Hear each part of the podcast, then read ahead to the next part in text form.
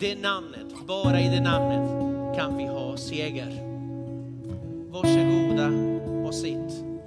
Det är något speciellt med det namnet. Titta på den som är bredvid dig och säg till den personen, du är ett signerat mästerverk.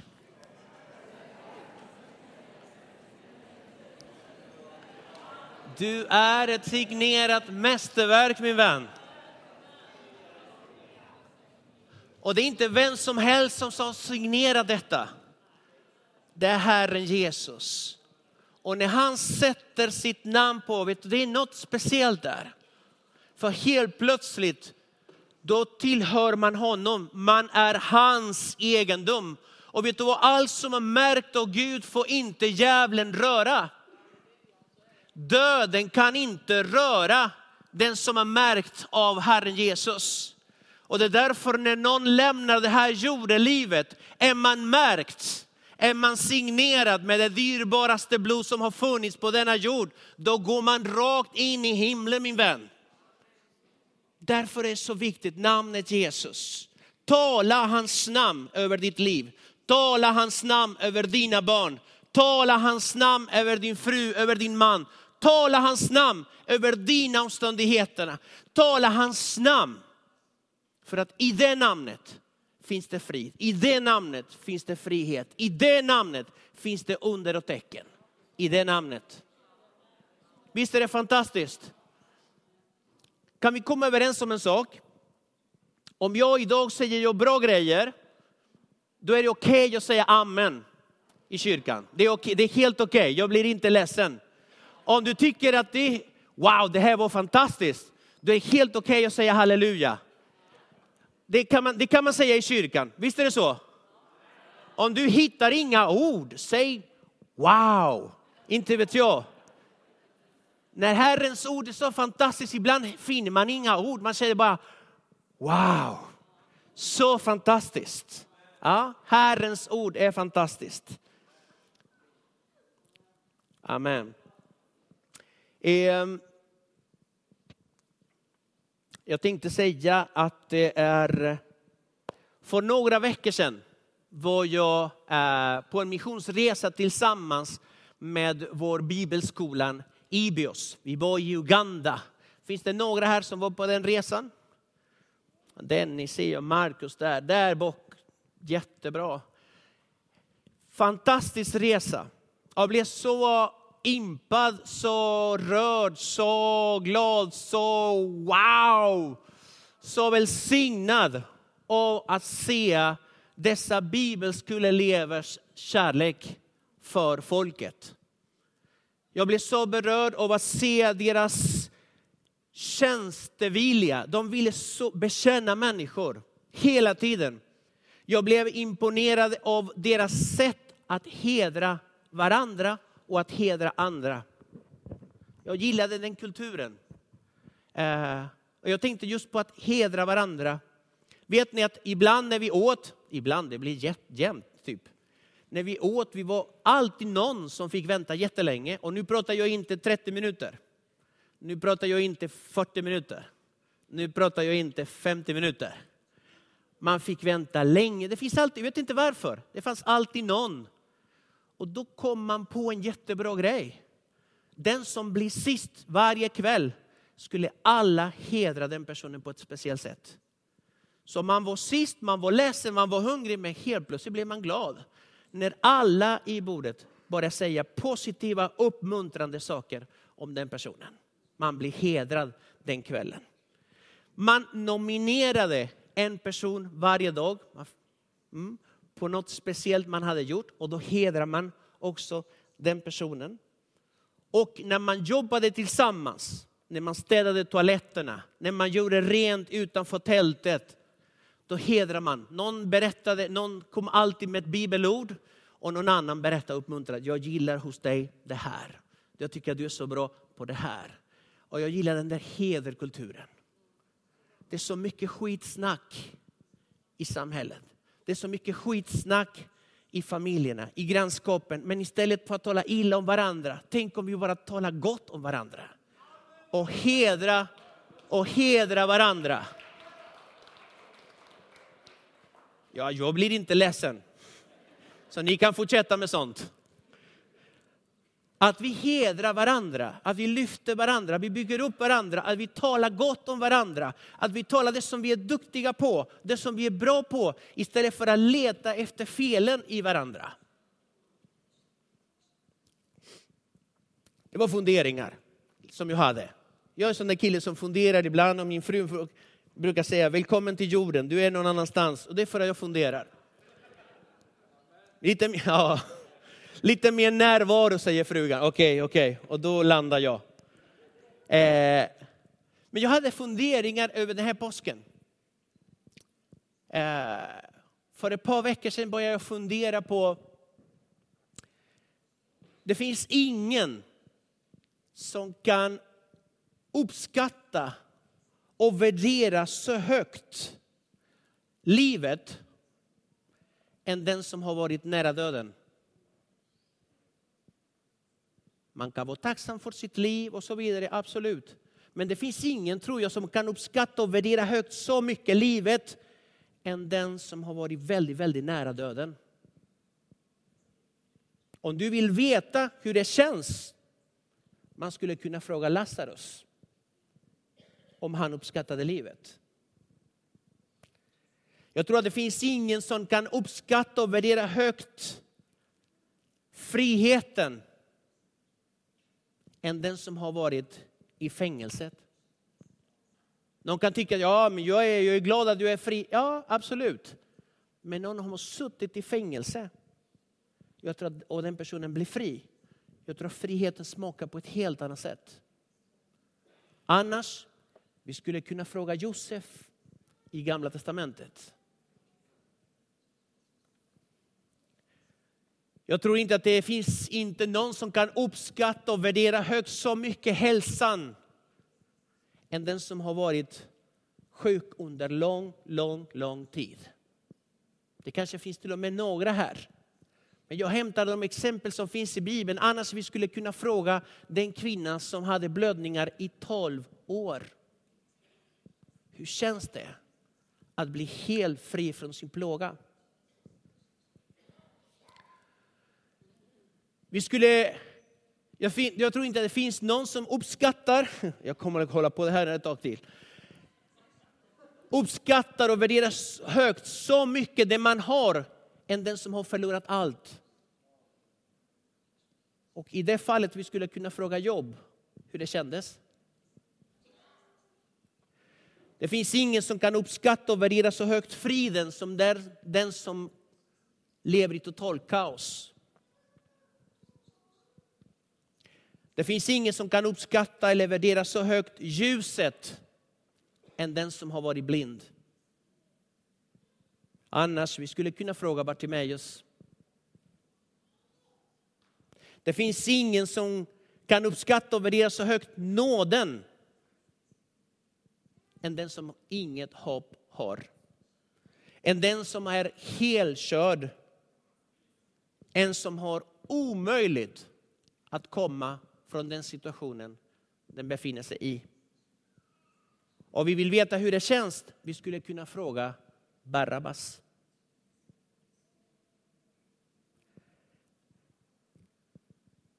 Det är Barabbas jag tänkte på till den här söndagen.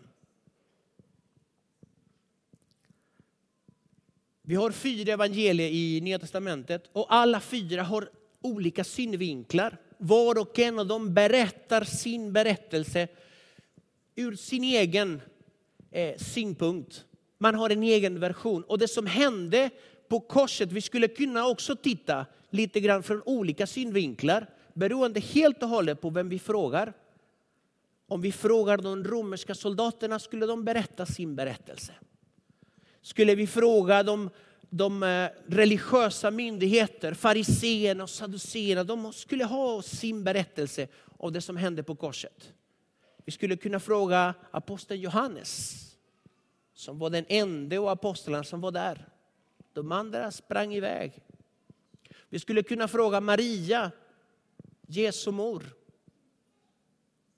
Hon har en berättelse också. eller de andra kvinnorna som följde med. Jesus har sin egen berättelse och det som hände på korset. Men det har också Barabbas. Barabbas. Jag funderade på hans berättelse under påskhelgen. När Bibeln berättar om honom, vi hittar inga bra ord.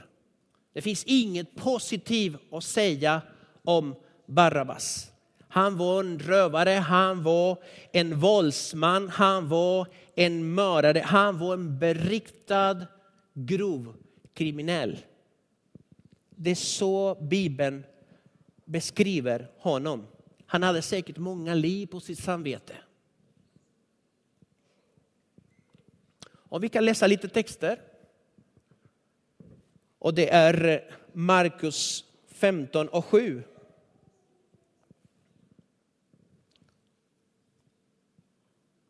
Där det står så här. Där fanns nu en man som hette Barabbas. Han satt fängslad tillsammans med andra upprorsmän som hade begått mord under oroligheterna. Och i Lukas 23.19 det står så här. Barabbas var en man som hade kastats i fängelse för ett upplopp i staden och för mord. Alltså ingen trevlig prick. Barabbas skulle korsfästas en fredag under påskhögtiden för nästan 2000 år sedan. Myndigheterna i Jerusalem hade funnit honom skyldig till mord i en rättegång. Domen var redan fastställd. Och efter det rådande systemet som fanns på den tiden man ansåg att han förtjänade döden och döden på ett kors. Så att det fanns ett kors som väntade på Barabbas. Han skulle korsfästas den dag tillsammans med två andra grovkriminella, två andra rövare. Tre stycken skulle bli den fredagen. På den tiden i Israel fanns det nationalistiska rörelser som gjorde uppror mot de romerska ockupationsmakten. Och de använde sig av mord, och våld och sabotage för att revoltera mot romarriket. Den mest kända gruppen kallades för seloterna. Seloterna på grekiska betyder en som visar religiös iver. Ivrare. Och ni kanske kommer ihåg att det fanns en av lärjungarna som kallades för ivraren, Simon ivraren. Med andra ord, en fanatiker. En politisk och religiös fanatiker. Mycket tyder på att Barabbas var kanske en selot. Han var en upprorsmakare. Och idag skulle vi kalla honom för en terrorist. Det var vad Barabbas var. Alla visste vem han var och det visste han också. Den dagen, den fredagen, vaknade Barnabas medveten om att det var hans sista dag på jorden. Hans tid hade runnit ut. Hans sista dag hade kommit. Han skulle få sitt straff. Och jag undrade hur kändes den dagen? Hur kändes att vakna och veta den här dagen är min sista dag på jorden? Hur kändes natten innan? Hade han sovit något? Hur kändes det att äta sista frukosten?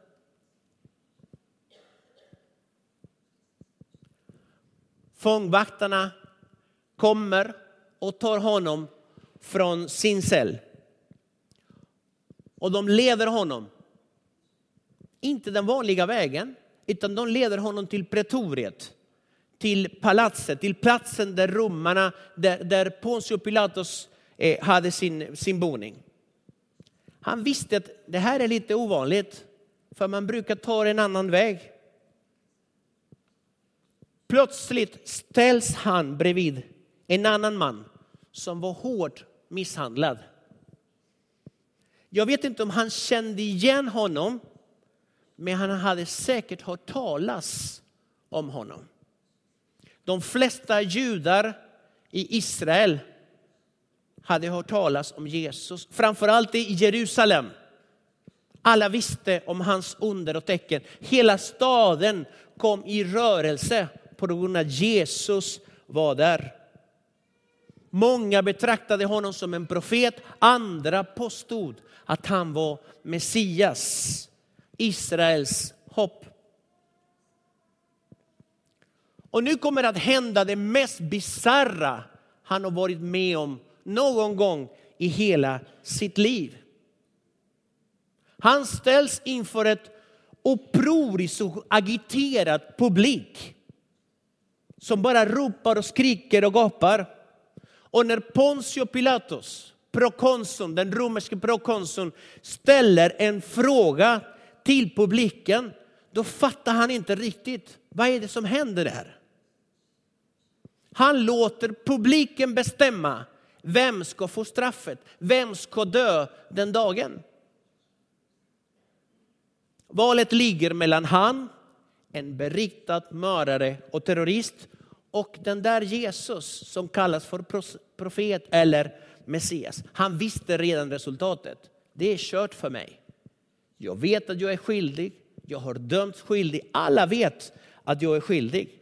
Men publiken börjar ropa något annat. Publiken börjar ropa att han ska befrias och att Jesus ska korsfästas istället. Alla evangelier är ense om det här och berättar samma story. Så vi kan läsa tillsammans i Matteus 27. Vad var det som hände? Matteus 27, 15 17 står så här. Vid högtiden brukade landshövdingen frige en fånge och eh, en som de själva önskade. Just då hade man en beryktad fånge som hette Barabbas. När de nu var samlade frågade Pilatus dem. Vem vill ni att jag ska frige? Barabbas eller Jesus som kallas Messias? Fortsätter vi att läsa vers 20-22 står det så här. Men översteprästerna och de äldste övertalade folkmassan att begära att Barabbas skulle friges och Jesus dödas. När landshövdingen frågade dem, vilken av de två vill ni att jag ska frige åt er? svarade de, Barabbas. Pilatus frågade dem, vad ska jag göra med Jesus som kallas Messias? Alla svarade, korsfäst honom. Korsfäst honom. Nu finns det ingen logik i det som händer. Det finns ingen rättvisa i det som händer. Korset som väntar, straffet som väntar har redan ett namn. Och det är Barabbas. Jag vet inte om de hade skrivit Barabbas på det korset, men det var hans kors. Och så heter det här predikan Barabbas kors. För det korset hade en ägare, den väntade på någon och det var Barabbas. Nu skulle de romerska myndigheterna, politikerna och de religiösa myndigheterna i Israel, båda två skulle komma överens och genom ett politiskt spel befria en skyldig människa. En skyldig mördare och terrorist och istället straffa med döden en oskyldig man. Det här är rätt skandal och rent juridisk en katastrof. Vill ni höra lite kuriosa fakta om Barabbas? Namnet är arameisk. Bar betyder son av och Abbas, ni känner igen Abba, betyder fader. Son av fader. Så på ena sidan av Pontius Pilatus har vi son av fadern, Barabbas. Och på den andra sidan har vi Guds son. Han som är människosonen. Det är två söner bredvid Pontius Pilatus. Det ena representerar det sämsta, det värsta mänskligheten kan bringa fram. Den andra representerar det bästa, det högsta himlen har att erbjuda. Det ena är en produkt av sin kultur, av sin uppväxt, av sin samtid. Den andra är en produkt av Guds kärlek, av nåd. Vilken antagonism just där. Motsatspolerna bredvid varandra och en korrupt publik som säger och ropar frige den skyldige och straffa med döden den oskyldige.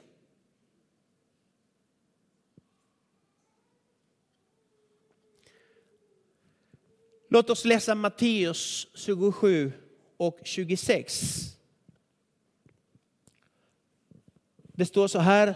Då frigav han Barabbas, men Jesus lät han gissla och utlämnade honom till att korsfästas. Markus 15 och 15 säger så här. Och då Pilatus ville göra folket till viljes frigav han Barabbas men Jesus lät han gissla och utlämnade honom sen till att korsfästas. Jag tror att Jesus anklagar inte Barabbas. Han står bredvid honom. Och saken är att Jesus älskar Barabbas också. Trots alla hans onda handlingar. Jag tror att Barabbas är den bästa bilden av det Jesus gjorde egentligen på korset. Barabbas är den bästa bilden. Det är en fantastisk bild på vad Guds nåd innebär. Det är en djupare dimension av vad nåd är. Guds enorma och obegripliga nåd ser vi tydligt i det som händer med Barabbas. Varenda en av oss skulle säga, men han förtjänade absolut ingenting. Och han fick gå fri. Det är det som är nåd. Men detsamma gäller oss. Varenda en av oss. För Bibeln säger så här i Romarbrevet 3 och 23. Alla har syndat och saknar härligheten från Gud. Alla. Alla är skyldiga alla anklagelser på alla punkter. Våra synder vittnar mot oss och ingen kommer undan. Till syndens lön är döden, men Guds gåva är evigt liv i Kristus Jesus, vår Herre. Romarbrevet 6 och 23. Jesus tog inte bara Barabbas kors och hans straff. Herren tog även allas våra straff och alla, allas våra kors. Han är vår ställföreträdare. Jesus är Guds lam som skulle offras för alla människors synden. Han hänger på korset istället för oss. Och detta var profeterat långt, långt, långt tidigare. Om vi läser i Jesaja 53. Vi kan väl den här versen, 53 och 5. Han var genomborrad för våra överträdelsers skull. Slagen för våra missgärningars skull. Straffet var lagt på honom för att vi skulle få frid och genom hans sår är vi helade. Han bar din och min synd. Han var det som du och jag skäms över. Jesus tog det också. Inte bara Barabbas. Men Barabbas på något sätt representerar dig och mig. Det som är skönt är att han fick gå fria. Vi får också gå fria. När du har en dålig dag, jag vet inte om du har det. Jag tror att alla vi har dåliga dagar. När du har en dålig dag och du undrar om Jesus älskar dig. Du kan titta på korset.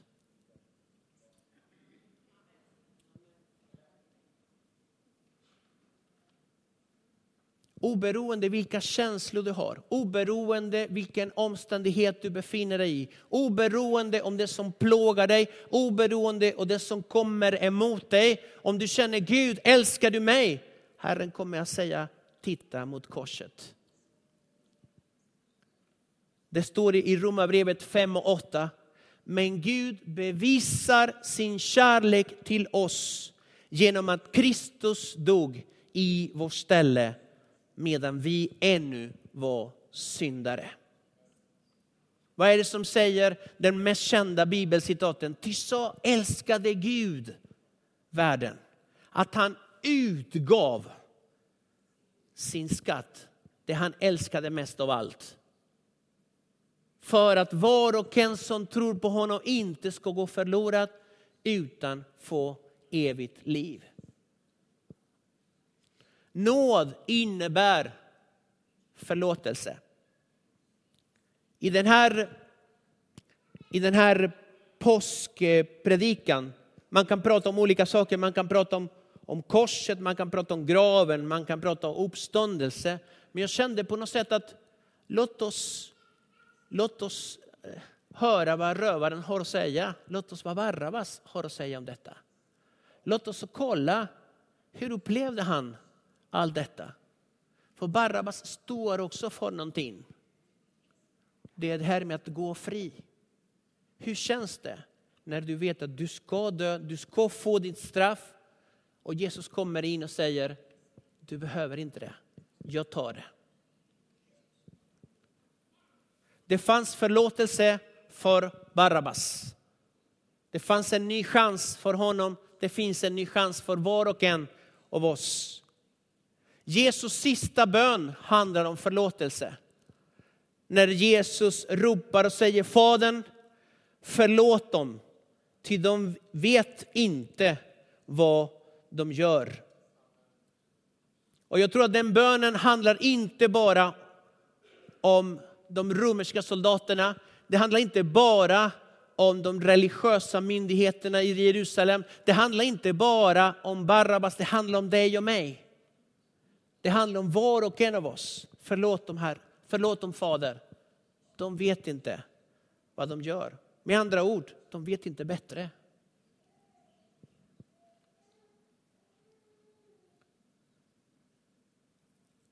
Jesus kom till den här världen för att skaffa frälsning åt var och en som tror på honom.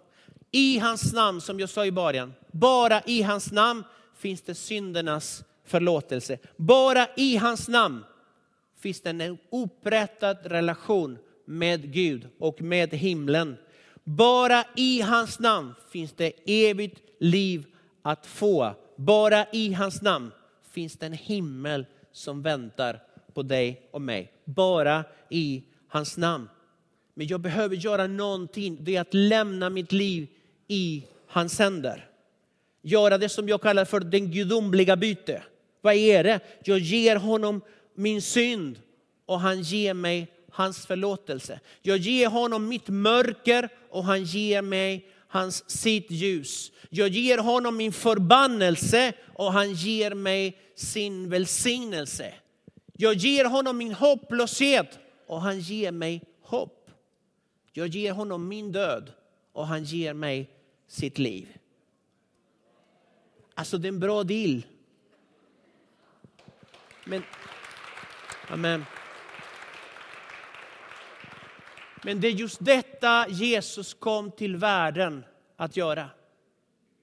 Han kom till korset för att köpa en möjlighet för varje människa. Det spelar ingen roll vad du heter, var du kommer ifrån, vad du har gjort, vad du har varit med om. Det spelar ingen roll. Det finns ett erbjudande från himlen och det heter Jesus på korset.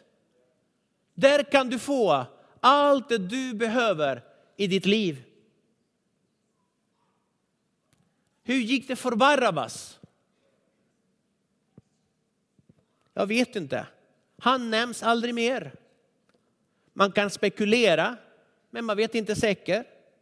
Fortsatte han sin kriminella karriär?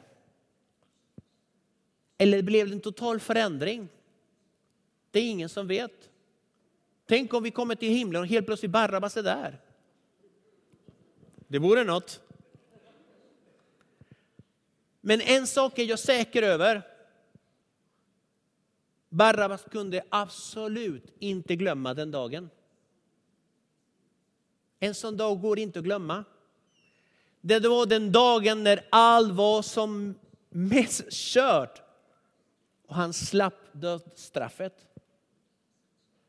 Det blev ingen straff och ingen död för honom den dagen.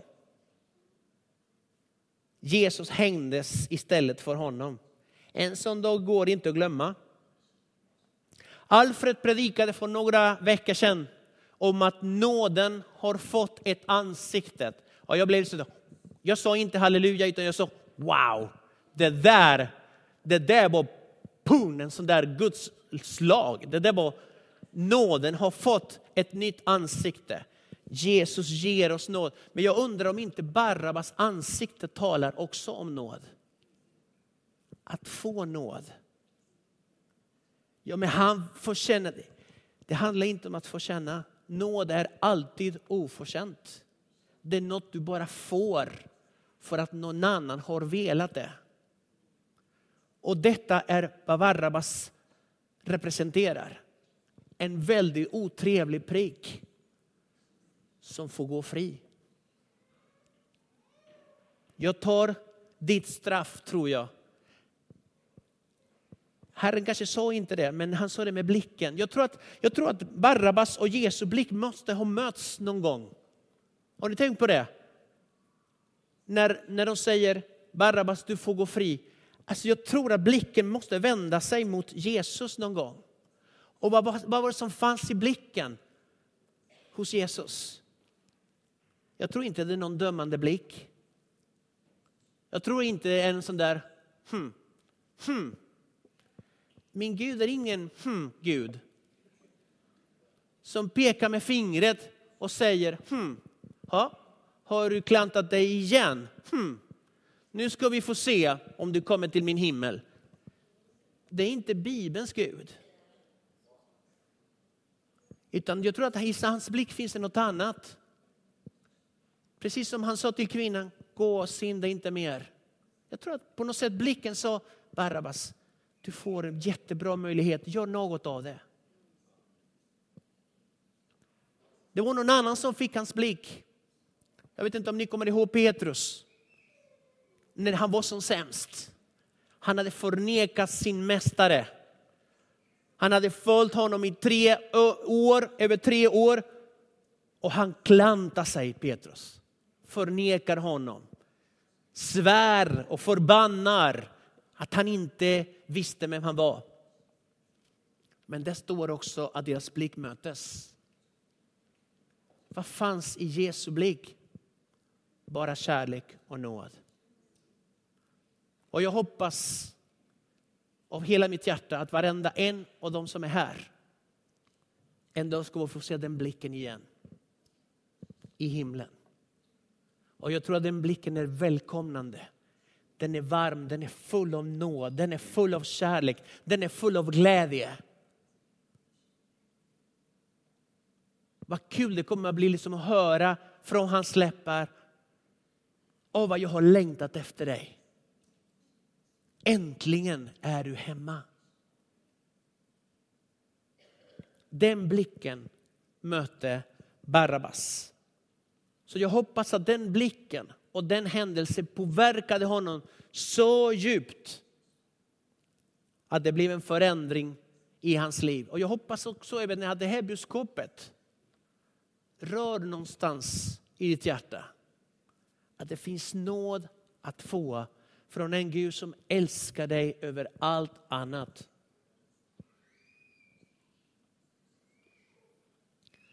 Jag tänkte på Barabbas när han gick.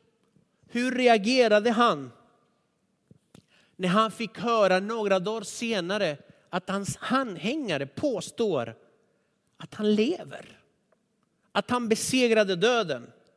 Hur reagerade han efter pingstdagen när församlingen, när de troende bara växer lavinartat och tusentals hit och tusentals dit och alla pratar om samma sak och de säger Jesus lever. Hur reagerade han? Hur reagerade han? Var det han rörde sig och han hör evangeliet predikas. Och varje gång man pratar om korset, då är det inte bara ett kors för honom, det är hans kors. Det stod Barabbas på den. Det är inte bara ett kors, det är inte vilket kors som helst. Hur kände han då? Han blev ständigt påmind om vilken nåd han fick och att Jesus lever. Varför i all sin dar går Jesus in i döden för Barabbas? Varför gjorde han det för dig och mig? Det här är funderingar som tvingade mig, inte tvingade mig, men som fick mig att undra av anledningen. Då var jag 19 år. Då bodde jag i Argentina. Jag kommer inte från en kristen familj. Och när jag började höra om vad Jesus hade gjort för mig, jag undrade varför i all sin dag, för jag har aldrig gjort någonting för honom. Den frågeställningen tog mig till en kyrka en gång. En kall, en mycket kall bönekväll i en liten kyrka i nordvästra Argentina, juli 1987. Jag satte mig längst bort, där, där du är, precis Dennis, där du sitter. Närmast dörren utifall att, man vet aldrig med de här galna kristna, Och budskapet och sången och bönerna det förvandlade totalt mitt liv. Jag tänkte de här människor sjunger och de sjunger inte ens fint. Men de sjunger med hela hjärtat. Och när de ber, de ber men det finns ingen att be till. Och sen kom budskapet. Jag blev så arg på min mamma. Jag tänkte min mamma måste ha pratat med predikanten. Det är säkert det. För han beskrev hela mitt liv. Han beskrev mina funderingar, han beskrev det, det, jag undrade över. Han beskrev precis allt. Min mamma, att hon inte kan hålla tyst alltså. Eller så var det Gud som han hade förberett just det mötet för att jag skulle vara där och lyssna på evangeliet. I slutet av det budskapet säger predikanten, finns det någon här som vill ta emot Jesus och mitt hjärta började klappa allt snabbare, allt snabbare, allt snabbare. Och han gjorde något som vi inte brukar göra här. Kom fram och böj knä om du vill ta emot Jesus. Och jag tänkte aldrig i livet och jag ser mig själv stå och börja gå. Och då börjar jag undra, vad är det jag gör? Men jag bara känner mig dragen framåt. Och när det är dags att be, jag har aldrig menat en bön så mycket som den kvällen. Predikanten bad en jättefin bön och jag förstod bara hälften. Så fina ord var det. Men jag hade en egen bön och min bön var om du finns Jesus. Om du finns på riktigt. Om det som hände på korset var på riktigt. Då vill jag att du ska bli min bästa vän och jag vill följa det resten av mina dagar. Jag har ångrat väldigt mycket i mitt liv, men aldrig den kvällen. För den kvällen förvandlade mitt liv. Jag fick nåd från Gud.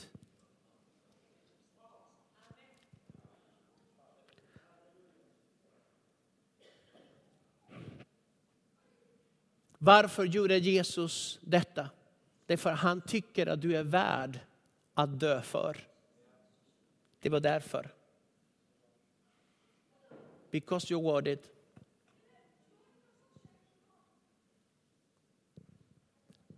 När Gud tittar på dig och mig, han tittar på priset han betalade för dig.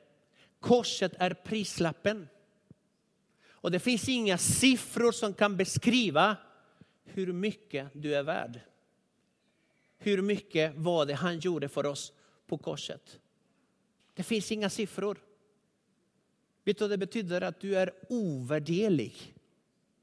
Det finns inga siffror, det finns en matematisk siffra som kan beskriva hur mycket värd du är i Guds ögon. Du är ett signerat mästerverk. Om du glömmer någonting av det jag har sagt, glöm inte det. Du är något väldigt, väldigt speciellt i Guds ögon. Han söker dig, han vill vara nära dig och han vill dela med dig livet. Glädjens dagar och sörjens dagar, han vill dela dem med dig. Du är sökt av Gud. Och det spelar ingen roll vad du har gjort. Det spelar ingen roll hur långt du har kommit ifrån honom. Du kan bli funnen. Han vill det. Den nåd som Barabbas fick uppleva är för dig och mig. Inget är så hopplöst att han kan inte rädda det. Det är det som är uppståndelsekraften. På uppståndelsens dag kan vi uppleva uppståndelsekraften. Det finns förlåtelse, det finns frälsning, det finns helande, det finns upprättelse, det finns, det finns, det finns i uppståndelsekraften. Jesus har besegrat döden. Amen. Idag är det en triumfens dag. Idag är det uppståndelsens dag. Varför söker ni den levande bland de döda? Och för att avsluta. Eh, jag har varit i Israel några gånger och det finns något som kallas för eh, trädgårdsgraven vid eh, Gordons Golgata. Och där finns en, eh, en, en, en grav. Väldigt enkel, det är bara ett, hål i ett berg och någon sten där. Och det är inte det man blir imponerad av. Det, är, det är ingenting att säga wow över. Men det finns en skylt där inne. Jag kommer ihåg när jag läste den skylten, jag blev väldigt berörd. Och skylten säger He's not here. He's risen. Han är inte här. Han är uppstånden. Vi har en en Gud som är uppstånden och han lever idag. Och på grund av att han lever idag, han kan göra under i våra liv. Kan vi böja våra huvud och vi ska be en bön.